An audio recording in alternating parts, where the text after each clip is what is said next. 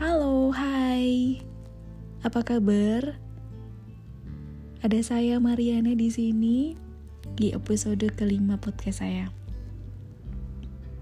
Sehat ya, mudah-mudahan sehat terus. Um, ini baru aja tanggal 10 kita udah sepertiga bulan April dan ternyata 10 hari di bulan April tuh kayak cepet banget dan gak terasa ya sudah bulan April aja, bentar lagi puasa. Mudah-mudahan kita diberi kekuatan sampai dengan lebaran nanti di masa pandemi yang serba tidak meyakinkan ini. Um, episode kelima podcast saya ini saya sedang nggak ada apa ya nggak ada pengalaman apa pun untuk diceritakan. Tapi saya baru saja membaca artikel uh, di Klik Dokter soal bagaimana sembuh dari patah hati. Pertanyaan pertama adalah, berapa lama bisa sembuh? Setiap orang berbeda-beda dan tidak ada siapa pun yang tahu seberapa lama orang itu bisa sembuh dari patah hati. Ngomong-ngomong soal patah hati, um, boleh dibilang setiap orang itu pasti yang sudah pernah merasakan jatuh cinta. Kalau kemarin kan kita bahas soal cinta-cinta ya. Sekarang kita soal patah hatinya. Sudah jatuh cinta, kemudian mengalami patah hati. Ini kayaknya kayak uh, dua koin ya sih. Jadi ya keduanya ikut aja. Kalau udah jatuh cinta ya pasti akan ada patah hati. Gak mungkin ada orang yang jatuh cinta kemudian jatuh cinta terus, kemudian uh, selama lamanya gitu. Ya pengennya selama lamanya, tapi nggak mungkin. Oke. Okay. patah hati patah hati apa ya?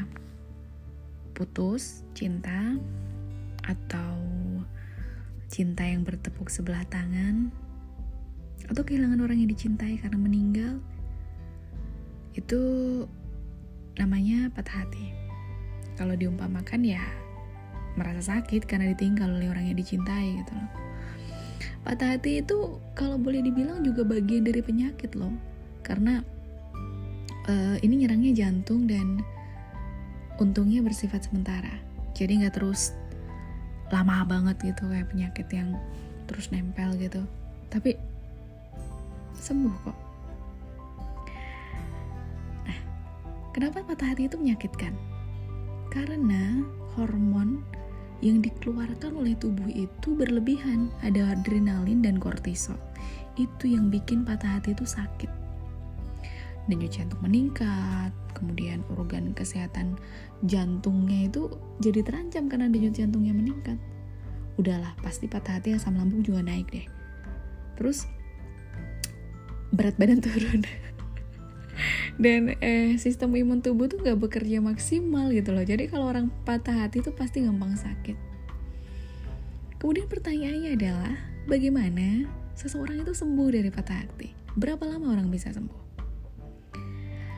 Uh, di artikel klik dokter ini menyadur dari independen ada penelitian dari The Journal of Positive Psychology yang mengatakan butuh waktu 11 minggu untuk seseorang merasa lebih baik setelah putus cinta. 11 minggu itu sekitar 3 bulan ya, hampir 4 bulan. Kemudian untuk uh, orang yang patah hati karena pernikahannya berakhir itu butuh waktu 18 bulan alias satu setengah tahun. Iya, jadi memang pada kenyataannya patah hati adalah pengalaman yang sangat tidak menyenangkan dan sangat menyedihkan. Dan setiap orang itu mengalaminya berbeda-beda. Dan gak ada yang tahu kapan seseorang itu bisa pulih atau bangkit dari patah hati.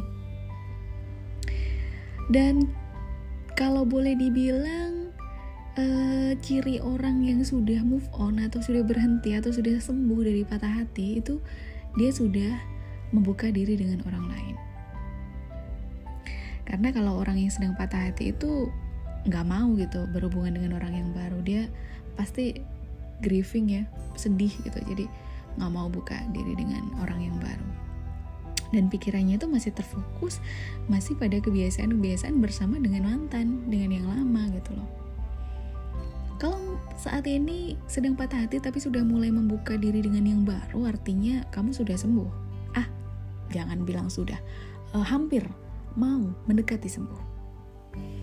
Kemudian saat mendengar namanya nama siapa? Nama mantan itu udah gak deg-degan lagi udah gak nangis lagi udah gak pengen uh, membenamkan mukamu ke dalam air. Terus um, kemudian berdamai dengan diri sendiri.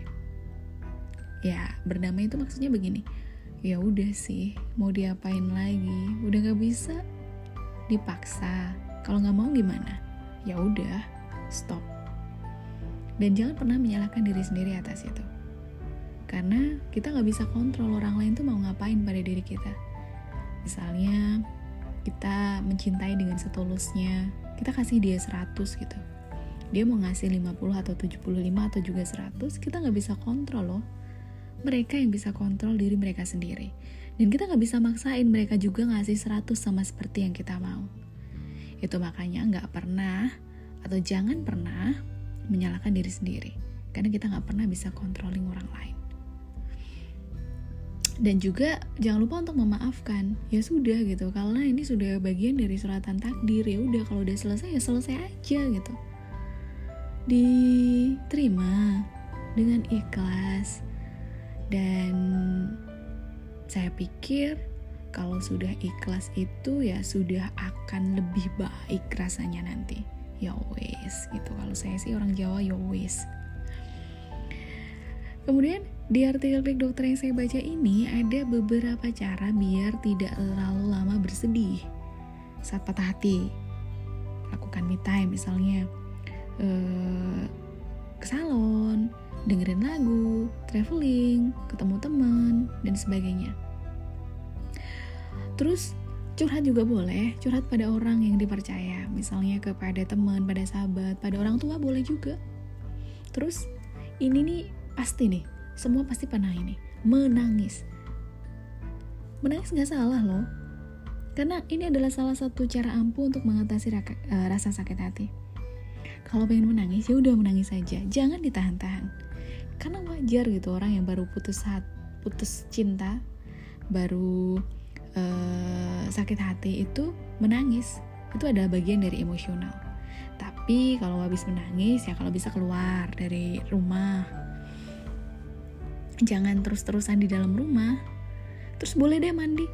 Mandi pakai air panas atau mandi pakai air dingin atau mungkin kalau pengen memang bener-bener uh, lepas gitu mungkin bisa berenang. Yang penting kepalanya basah gitu mungkin ya. Dan seperti yang saya bilang tadi adalah ikhlas.